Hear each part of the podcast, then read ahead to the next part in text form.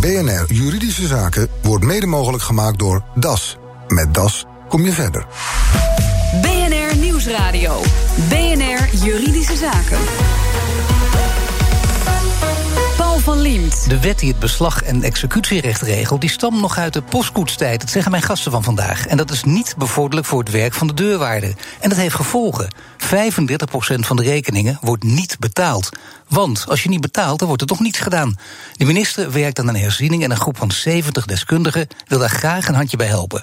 De twee initiatiefnemers zijn hier te gast. Chef van de Putten, partner bij Fury Gerechtsdeurwaarders. En Mark van Zanten, insolventierechtsspecialist en partner bij advocatenkantoor CMS. Heren, welkom. Nou, ik zei het al, hè, hopeloze veroudering, althans, uh, het stamt uit de tijd van de postkoets. Uh, waar blijkt die uit, die hopeloze veroudering? Wat bijvoorbeeld grappig is, is dat er goed is geregeld hoe je uh, beslag legt op een aandeel aantoner. Uh, ik heb het nog nooit in mijn leven gezien. Maar hoe je beslag legt op een bitcoin, hoe je beslag legt op een uh, domeinnaam, hoe je beslag legt op dit soort zaken die grote waarde vertegenwoordigen, dat is in de wet niet geregeld. Het lukt uiteraard wel, maar alles wordt geperst in een vangnetbepaling. Een van de auteurs, professor Biemans, heeft aangegeven Maak de wet nu flexibeler en zorg ervoor dat er bij ieder belangrijk nieuw vermogensbestanddeel heel duidelijk in de wet staat: op deze manier leg je beslag en op deze manier verkoop je het. Ja, nee, maar als ik het zo hoor, denk ik dat is logisch. Wie kan daar tegen zijn? Dat, uh, dat lijkt ons ook. Ja, nee, tuurlijk. Maar jullie hebben niet voor niks een, een, een waanzinnig boek geschreven. Beter gezegd een compendium uh, met, met heel veel bijdragen van heel veel verschillende mensen uit heel veel verschillende disciplines. Uh, al die mensen houden een soort gelijke pleidooien. En je zou bijna zeggen dat is toch niet nodig, zonder van de tijd of niet? Nou, ik denk dat het wel heel goed is dat het uh, een keer bij elkaar wordt verzameld. De minister heeft het initiatief genomen om het beslagrecht te herzien. Is ook met een aantal goede voorstellen gekomen.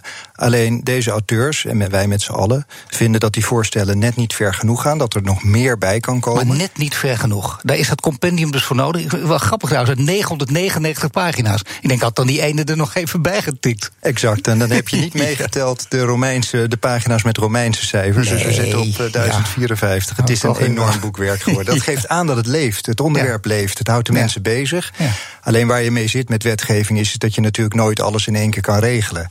Dit boek is bedoeld om ervoor te zorgen dat de wet die nu in de stijger staat, dat die zo goed mogelijk wordt. En dat ook overige wetgeving die op dit terrein moet worden gemaakt de komende jaren input krijgt via dit boek. Het gaat verder dan lobbywerk. Het is niet alleen maar een boek van alleen gerechtsdeurwaarders of alleen advocaten. Alle disciplines komen aan bod. Veel wetenschappers doen ook een zegje. Waarom hebben jullie daarvoor gekozen? En dat is nu het mooie en dat is het uh, unieke aan dit, uh, aan dit project. Uh, normaal dan is het inderdaad een lobbygroep, maar dan is het uiteraard gekleurd. Het beslag- en executierecht heeft zowel in de wetenschap als in de politiek niet heel erg veel aandacht gekregen. Nee. Maar het is zo'n verschrikkelijk belangrijk vakgebied. Het is de smeerolie van de maatschappij. maar waarom eigenlijk? Want geef ze een goed voorbeeld. Waarom is het een smeerolie? Om een voorbeeld te geven. Um, er is veel aandacht terecht voor het recht op een eerlijk proces. Maar wat heeft het voor zin als je een recht op een eerlijk proces hebt... als de beslissing van een rechter um, niet kan worden geërbiedigd en niet kan worden afgedwongen? Nee, maar het is nog algemeen. Ik bedoel echt een voorbeeld van hoe gaat het in het leven van de gerechtsdeurwaarder... en waarom is het nu af en toe onhandig geregeld? De gerechtsdeurwaarder is geblinddoekt uh, en zijn handen zijn op teruggebonden. Er wordt van me verwacht dat ik ervoor zorg dat wat een rechter zegt... daadwerkelijk gaat gebeuren. Maar wanneer dan? Ik bedoel echt een voorbeeld uit de dagelijkse praktijk dan? Een, een, een, mooi voorbeeld is wellicht het bankbeslag. Uh, op het moment dat ik beslag leg op het banksaldo van een, van een bankrekening, dan doe ik dat geblinddoekt. Het feitelijk is puur een gokje op welk moment ik het beslag leg. Na vier weken uh, krijg ik te horen, er stond geld op de bankrekening of er stond geen, geen geld op de bankrekening. We zijn dan niet alleen vier weken verder, maar ook 250 ja. euro. Een van de auteurs, of sterker nog meerdere auteurs, die geven aan, geef nu de gerechtsdeurwaarder de mogelijkheid om die banksaldo's in te zien. Zoals dat in ontzettend veel landen om ons nou, heen geregeld wordt er ook gezegd, er is een geschil, maar in dit geval is er helemaal geen geschil natuurlijk. Je hebt een rekening en er wordt niet betaald. Ja, dat is een ander voorbeeld uit het, uh, uit het boek. Uh, in dit geval is er een geschil geweest, of geen geschil, maar een rechter heeft iemand veroordeeld om een bepaald bedrag te betalen. En degene die veroordeeld is, die doet dat niet. Uh, maar hij geeft ook niet de informatie die nodig is om te komen tot een oplossing. En die hoeft hij ook niet te geven?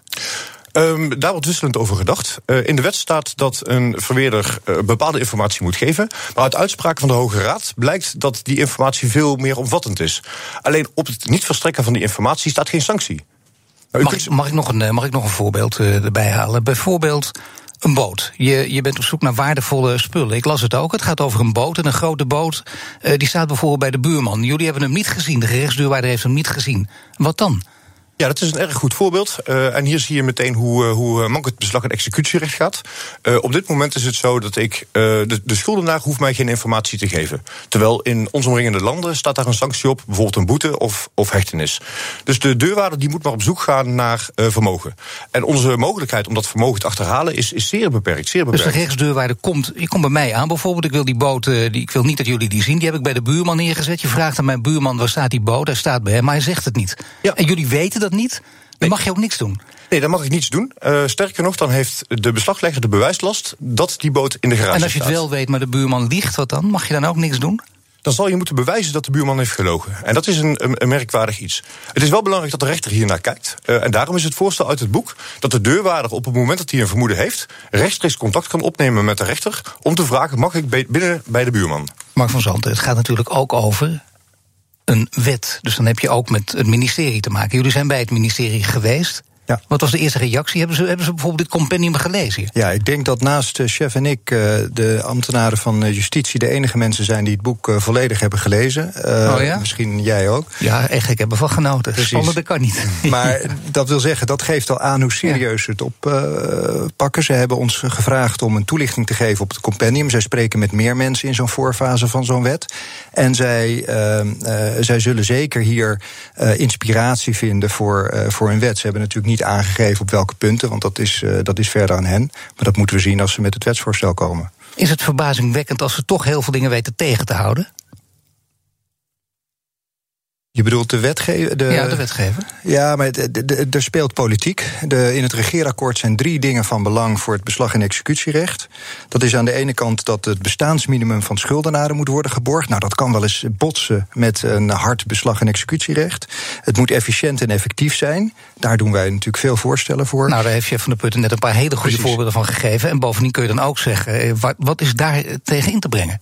Eigenlijk niets. Het is ook een onderdeel van het regeerakkoord. En een effectief en efficiënt uh, executierecht zorgt ook voor de schuldenaar voor rust als het niet efficiënt is, dan worden er tien bankbeslagen gelegd, omdat je niet weet onder welke bank je beslag moet leggen. Elke keer kost dat de debiteur 250 euro. Terwijl als je weet bij welke bank je beslag legt, leg je één keer beslag, kost dat de schuldenaar één keer 250 euro. Tuurlijk, maar nu is het uh, kunstje natuurlijk wel te doen dat je dat gewoon niet in de gaten hebt. En dat je steeds van bank naar bank toe kan gaan. Er zijn geloof ik wel 70 verschillende banken. Dus je kunt er een tijdje mee doorgaan. Ja, en wat de minister doet het voorstel om aan de deurwaarder informatie over bankenrelaties te geven. Dat is hartstikke goed. Maar wat niet in het voorstel staat, is dat je ook dan het saldo krijgt van die bankrekening. En dan heb je er natuurlijk nog niet zo heel veel aan, want dan weet je nog steeds niet of het een minsaldo is, waardoor het geen zin heeft om beslag te leggen. Oké, dit waren twee punten, nog een derde? En derde punt was dat een beslag niet louter als pressiemiddel mag worden gebruikt. En dat is een, een, een hele lastige, die uh, zie je ook terugkomen in het wetsvoorstel. Je mag als deurwaarder nu geen beslag leggen als je het als je het redelijke vermoeden hebt dat de opbrengst van het goed wat je gaat executeren niet voldoende is om de kosten daarvan te voldoen. Maar heel vaak zie je dat op het moment dat er beslag wordt gelegd op een auto die helemaal niet zoveel waard is, dat leidt tot een gesprek tussen de schuldenaar en de deurwaarder.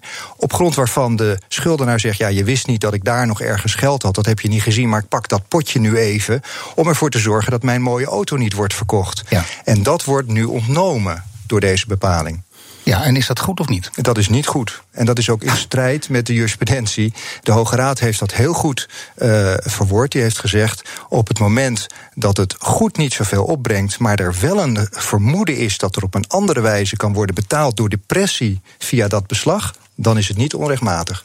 Chef van de Putten. Wat juist van belang is, is dat het beslag een, een stevige pressie uit kan oefenen. Het beslag wordt alleen maar ingezet op een schuldenaar die al veroordeeld is door een rechter, die alle omstandigheden heeft afgewogen. Want voor de duidelijkheid, daar is ook vaak misverstand over. En ik begrijp zelfs ook uit jullie boek soms eh, bij advocaten ook nog misverstand onderling daarover. Heeft de rechter nou uiteindelijk eh, de beslissing genomen of mag een deurwaarder dat af en toe zelf ook doen? Ja, dat is heel bijzonder. Eh, dat is heel bijzonder. En ook dit wetvoorstel draagt bij aan deze onduidelijkheid. Ehm, ik, ik sprak onlangs met een advocaat en die meende dat de deurwaarder beslist welke zaak wel en welke zaak niet bij een rechter moet worden gebracht. En als ik de consultatiestukken lees, dan lijkt het erop dat de minister denkt dat de deurwaarder beslist of een beslag wel of niet moet worden gelegd. Ik vind het prachtig, maar op dit moment is het zo dat de deurwaarder het instrument is van een beslaglegger. Dus ik toets puur formeel, mag dit beslag gelegd worden omdat er een vonnis is en er is niet voldaan, dan leg ik het beslag. Op dit moment heb ik geen, geen verantwoordelijkheid, geen bevoegdheid om te zeggen ik leg het beslag niet. En dat is ook erg belangrijk, want de deurwaarder moet niet klem komen zitten. Aan de ene kant heeft hij de verplichting om een beslag te leggen. En aan de andere kant mag je het beslag niet leggen. Jullie zijn uh, beide zeer deskundig op dit gebied. Zijn jullie ook uh, deskundigen op praktijkgebied of niet? Ik bedoel, ja. heb je als een deurwaarder privé aan de deur gehad of niet? Ook gelukkig nee, dat, dat, dat, niet, maar wel de nodige deurwaarders ingeschakeld. Oh, toch? Ja, nee, dat begrijp ik, ja. En dat zijn allemaal deurwaarders die, die ook dit boek hebben gelezen... of als het gaan lezen het ermee eens zullen zijn? Ja, het vermoeden is omdat het, de, de, de, voorstellen die worden gedaan worden, denk ik wel breed gedragen. En omdat het een homogeen, het is een, het is een groep bestaande uit mensen die bezig zijn met het vak. Ze hebben kennis van de praktijk, ze hebben kennis van de hindernissen. De voorstellen die worden gedaan zijn ook logisch en aansprekend. Dus ik ga er eigenlijk vanuit dat iedereen het wel deelt. Hoewel het niet van 70 auteurs één stuk is. Ook mensen die zelf schuldenaar zijn, of zelf mensen die schulden hebben, zijn die nou ja, dus, blij met dit boek? Nou ja, wat heel erg speelt in deze discussie is de schuldenproblematiek. Uh, er wordt erg voor gezorgd dat uh, er geen opeenstapeling van schulden is. Met deze voorstellen willen we ook ervoor zorgen dat de schuldenaar niet beslagkost op beslagkosten krijgt. Dus bijvoorbeeld niet die voortdurende 250 euro moeten gaan betalen. Er zijn er meer voorbeelden. Maar... Straks informatie, informatie, informatie. Daar gaat het de deurwaarders om. Maar we hebben ook allemaal recht op onze privacy. Hoe blijft die gewaarborgd? Nieuwsradio. BNR Juridische Zaken. Als er één conclusie is die steeds weer getrokken kan worden uit alle adviezen om het beslagrecht te verbeteren, dan is dat de informatievoorziening moet beter. Maar daar komt ook privacy bij kijken. Wat hebben mijn gasten daarop bedacht? Mark van Zanten van advocatenkantoor CMS en chef van de Putten van Fury gerechtsdeurwaarders. Ja, het werk zou makkelijker, efficiënter worden als jullie bijvoorbeeld alle bankrekeningen zomaar kunnen inkijken. Maar er zijn misschien mensen die zeggen, nou, daar heb ik in wat voor omstandigheden ook gewoon niet zo'n zin in. Wat zeg je tegen die mensen, Mark van Zanten? Ja, er is natuurlijk een vonnis wat ten uitvoer moet worden gelegd. En de deurwaarder moet dat doen. Op het moment dat je hem niet de middelen geeft om dat te doen, kan je net zo goed zeggen: laten we die procedures niet voeren. Dat is de ene kant. Privacy is een belangrijk goed. Maar op het moment dat je in deze tijd zonder deze wet, nieuwe wet beslag legt, dan wordt binnen vier weken na het leggen van het beslag door de bank in een verklaring aangegeven wat het saldo is van de bankrekening. We hebben het dus over uitgestelde informatie of snelle informatie. Dus die informatie krijg je hoe dan ook? Die krijg je hoe hoe dan ook. En wij willen graag een bankregister waarin de deurwaarder gewoon kan zien, real time, welke relaties er zijn, welke saldi er zijn, zodat hij gericht daar naartoe kan gaan. En de, en de debiteur ook niet de crediteur kan foppen. Nee, dat kan nu nog wel natuurlijk. En dat foppen dat kan ook omdat je tijdwinst hebt bij de huidige wetgeving. Ja, er wordt bijvoorbeeld beslag gelegd onder de ABN, daar staat niks. En vervolgens stond er geld op de ING-bank. Na beslaglegging denkt de debiteur: hé, hey, er is actie van de crediteur, laat ik maar even het geld van de andere bank weghalen. Ja, nou ja, dat kan dus inderdaad nog. Dat, kan, niet als je daar meteen bovenop kan zitten. Of dan kan het natuurlijk ook, hè? Als je handig genoeg bent. Het zou kunnen, maar op het moment dat je het bankenregister hebt en ziet waar iedereen uh, zijn bankrekeningen aanhoudt met een positief saldo, dan kan je veel effectiever en efficiënter beslag leggen. Het lijkt logisch, toch kun je voorstellen dat misschien eventuele schuldeisers dat die liever niet, uh, dat die zeggen, nou ik wil liever niet dat op mijn rekening gekeken kan worden. Dat is nogal wat. En dat is logisch. Um, maar de, de schuldenaar is allereerst veroordeeld. En hij kan zelf nakomen of hij kan een betaalvoorstel doen. En als hij dat niet kan of niet wil, dan kan hij zelf informatie geven over zijn vermogen. En pas als hij dat allemaal niet doet, dan komt de deurwaarder om de hoek kijken. En de privacy moet inderdaad worden beschermd. En daarom mogen burgers en bedrijven en instellingen mogen deze informatie niet hebben. Maar alleen de gerechtsdeurwaarder, die nu juist door de overheid is aangesteld om met de dwangmiddelen van de overheid ervoor te zorgen dat een uitspraak van een rechter wordt nagekomen. En dan zeggen sommige mensen die er ervaring mee hebben, maar ja, de ene gerechtsdeurwaarder is de andere niet. Er lopen natuurlijk ook echte cowboys bij. Nee, dat geloof ik, dat geloof ik niet. Nee, niet eentje? Nee, dat geloof ik niet. Wat gek zeg, dat, dat, dat, dat ik die verhalen dan wel hoor en jullie nooit. De deurwaarder is een staatsambtenaar. En je moet hem eigenlijk zien als een bondgenoot van de, van de rechter. Hij is openbaar ambtenaar. En ik val zowel privé als zakelijk onder toezicht en tuchtrecht. Um, op het moment dat ik me niet aan de beroeps- en gedragsregels houd, um, dan heb ik een probleem. Dan kan ik uit mijn ambt gezet worden. Maar hoe zit het dan met die overheidsrechtsdeurwaarders en de gewone deurwaarders? Die overheidsrechtsdeurwaarders die schijnen dan weer iets meer te kunnen, iets meer te mogen ook. Ja, dat is een, een, een heel mooi voorbeeld. Uh, in ons boek staat ook dat de uh, en de normale schuldeiser, dus een MKB'er, een bedrijf, een, een alimentatiegerechtigde, die ja. krijgt van de overheid een oude gereedschapskist. Um, uh, ga het daar maar mee doen. En de overheid heeft schitterende middelen. Die heeft een hele mooie, moderne gereedschapskist, maar die hebben ze ja. alleen voor zichzelf bewaard. Ja. Maar dat is toch een. Maar daar heb je het al. Precies, maar er zit nog een raar ander punt in uh, die overheidsvordering. Want op het moment dat er twee partijen zijn met een geschil, dan gaan ze naar een onafhankelijke rechter en die bepaalt wie er gelijk heeft. Dat geldt bij de overheid ook, als schuldeiser of schuldenaar. Maar op het moment dat, de, dat er een uitspraak is gekomen, dan is een gewone uh, schuldeiser afhankelijk van de gerechtsduurwaarder. Maar de overheid kan zijn eigen werknemers op pad sturen om het werk te doen van de gerechtsduurwaarder. En de vraag is: ben je dan onafhankelijk en onpartijdig? Op het moment dat je het geld ophaalt voor je eigen baas. Ja, nou ja, dat is een hele goede vraag met een duidelijk antwoord. Een ander belangrijk punt is dat je verschillende schuldenaren hebt. En de ene die krijgt eigenlijk recht op meer bescherming, zou je kunnen zeggen, dan de ander. Bijvoorbeeld de schuldenaar die niet kan, maar wel meewerkt en laat zien dat hij niks heeft. Waarom zou je daar najagen? De schuldenaar die niets heeft en niet meewerkt, daar wordt het lastig voor de deurwaarder te zien dat hij daar geen beslag kan leggen, want hij hoort niks. En dan heb je natuurlijk de derde schuldenaar, die heeft wat en die laat niets zien. Die derde moet natuurlijk niet de bescherming genieten van de eerste die niks heeft en niks kan, maar wel wil meewerken. Nee, en dan heb je natuurlijk ook nog eh, de andere kant, namelijk eh, de deurwaarder die zorgvuldig met de, eh, de saldo's of de verschillende saldi misschien wel moet omgaan. Hoe weet ik zeker dat hij dat doet? Een deurwaarder heeft of zijn het daar... altijd, ik zeg hij, zijn het altijd mannen deurwaarders? Nee, er zijn ook de zeker vrouwen, die hebben ook derde 1% geld... of niet? Of, uh, toch, toch wel 2%? Oh nee, dat is, uh, dat is meer. Chef van de Putten, uh, 5%. Tientallen. Nee, nee, nee. Tientallen? Ja, nee, maar wacht, we zitten hier natuurlijk wel feitelijk te praten. Hoeveel ongeveer? Ah, ik, ik, wist niet dat het ging over uh, de modernisering van het executierecht. Ik durf het echt niet te zeggen. Nee, maar goed, nou oké, okay, even los daarvan. Maar laten we zeggen, toch in, de, in de meeste gevallen een hij. En die moet hier zorgvuldig mee omgaan. Stel ja. dat hij dat niet doet. Ja, hij heeft een derde geldrekening. Uh, er, er, is een, een, enkel geval van een faillissement van een deurwaarderskantoor waar problemen zijn geweest. En, en dat zijn de enkele gevallen. Maar het gros van de deurwaarders, daar is alles goed gereguleerd en, uh, en goed in orde. Nou ja, maar stel dat het niet zo is, want dat wil je uiteindelijk weten. Daar gaat het dan ook om. We hebben het hier over privacy kwesties, uh, over vertrouwen. Heel veel mensen hebben al heel vaak gehoord van grote instanties dat ze te vertrouwen zijn. Dat bleek toch niet het geval. Wat heb je dan nog voor mogelijkheid? Ja, maar je moet Kun je dan naar de rechter stappen? Zeker.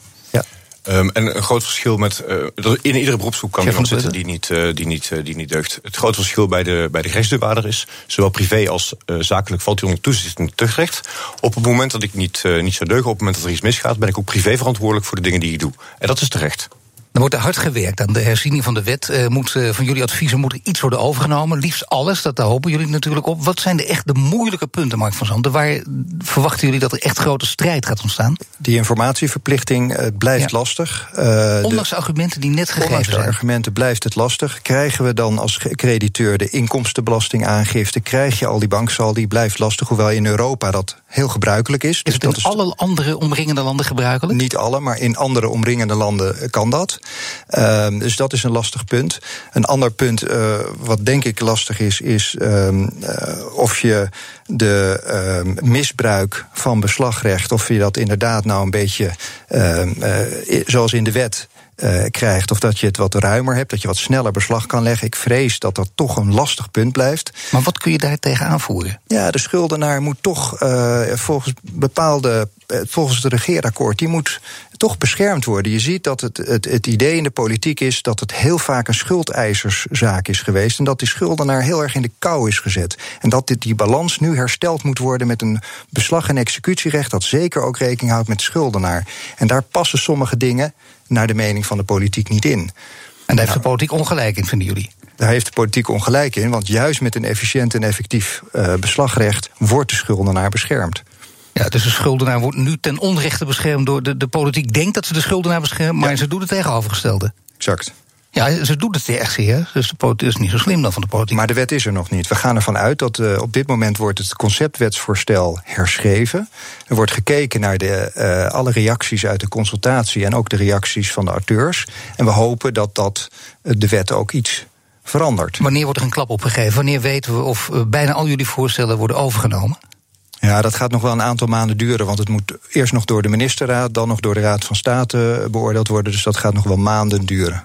Nou ja, goed, uh, jullie hebben al uh, flink wat tijd genomen om het compendium te maken. Er kunnen nog wel een paar maanden bij. Ik dank jullie hartelijk. Mark van Zanten van advocatenkantoor CMS en chef van de Putten van Vurig Gerechtsdeurwaarders. BNR Nieuwsradio. BNR Juridische Zaken. Er komt al zoveel bij kijken, merkte Frank toen hij zijn huis verkocht en een nieuw huis kocht. Extra kosten voor de VVE waren voor hem de druppel. Verslag is van Nelleke van der Heijden. Frank, je hebt je ene huis verkocht en een ander huis gekocht. En daar komt het een en ander bij kijken. En ook dingen waar je minder aangenaam door verrast bent. Ja, er zijn zeker. het is sowieso heel erg arbeidsintensief, ben ik achtergekomen om een huis te kopen en verkopen. Maar waar ik nu tegenaan loop, is dat alles bijna klaar is. Mijn oude huis is verkocht, er is een mooie deal uitgekomen. We moeten alleen nog even naar de notaris voor, het, uh, ja, voor de levering, hè, voor het overdragen ervan. En nu uh, krijg ik vanuit mijn VVE, mijn verenigingen van eigenaren, ineens te horen dat ik 160, in ieder geval ruim 160 euro moet betalen voor uittredingskosten. Ik heb bij mijn weten ook al intredingskosten betaald. De maandlasten waren iets van 60 euro. Dus 160 euro ruim aan uittredingskosten ja, vind ik gewoon heel erg veel. En ik vraag me af of dit wel, ja, of dit wel mag eigenlijk. Ja, een soort administratiekosten van een paar euro zou je denken. Ja, wat, wat is het nou? Het is gewoon een vinkje in een systeem waarschijnlijk en dan is het klaar. Dus uh, ik zie echt niet waarom het zoveel geld moet kosten. Marjolein van Hilkema Co. Hoe kan Frank nou nagaan of hij inderdaad dit bedrag uh, voor uitschrijving zou moeten betalen? De verplichtingen voor appartementseigenaren vloeien voort uit verschillende documenten. Hoofdzakelijk het splitsingsreglement en het modelreglement. Nu heb ik die bekeken van deze eigenaar. Daar staat deze betalingsverplichting niet in. Uh, maar ja, de algemene ledenvergadering kan ook nog losse besluiten nemen. Dus dat kan een huishoudelijk reglement zijn waar het in staat. Of op enig moment heeft de VVE inderdaad met de beheerder afgesproken dat dit bedrag verschuldigd is. Maar dan zouden wel de eigenaren daar hun goedkeuring voor moeten hebben gegeven. Dus hij zou bij de VVE moeten checken of die afspraak echt bestaat? Ja, het is in principe zo dat de algemene ledenvergadering kan beslissen dat bepaalde bedragen of andere verplichtingen toch moeten worden nagekomen door eigenaren. Dus volgens de brief van de beheerder vloeit deze betalingsverplichting voort uit de beheerovereenkomst tussen de VVE en deze beheerder. Dus eigenlijk zou deze eigenaar moeten nagaan of de algemene ledenvergadering om enig moment de beheerovereenkomst heeft goedgekeurd. Of dat het bestuur van de VVE een zodanige machtiging heeft gekregen van de leden dat zij deze overeenkomst mocht aangaan. En als dat er allemaal is, dan ontkomt hij er niet aan? Ik ben bang van niet. Ja, hij zou het kunnen proberen door gewoon te vragen: jongens, moeten we niet eens een keer deze afspraak herzien? Maar in principe is dit dan afgesproken. En hoe kan het bedrag zo hoog zijn? Dat is inderdaad opvallend. Ook omdat zijn servicekosten aanzienlijk lager zijn eigenlijk. Dat is helaas niet met zekerheid te zeggen zonder dat we inzage hebben in de beheerovereenkomst. Eventueel zou hij dat kunnen navragen uh, bij de beheerder zelf. Maar zou dat met een notaris of zo te maken kunnen hebben? Dat zou niet moeten. Bij verkoop van een woning moet er altijd naar de notaris uh, worden gegaan, want die vervangt uh, de namen in het kadaster. Um, en vaak wordt dan bij zo'n afrekening worden wel meer kosten meegenomen die sowieso betaald moesten worden. Zoals een, ja, een vooruitbetaling op de servicekosten wordt ook wel eens gedaan. En in dit geval wordt dan de uitschrijfkosten worden in rekening gebracht. Dit zijn wel kosten die de beheerder in rekening brengt. Dus dat zou eigenlijk helemaal los moeten staan van de kosten van de notaris. En Frank zal dus bij zijn VVE moeten nagaan of vaststaat dat hij moet betalen en waar dat bedrag dan op gebaseerd is, zegt Marjolein Schepen van Hielkema Co. in een verslag van Nelke van der Heijden. Heeft u ook een juridische vraag? Mail hem naar juridischezaken.bnr.nl. Dit was de uitzending voor vandaag. U kunt de show terugluisteren via de site, via de app, via iTunes of Spotify. Mijn naam is Paul van Liemt. Tot de volgende zitting. BNR Juridische Zaken wordt mede mogelijk gemaakt door DAS. Met DAS kom je verder.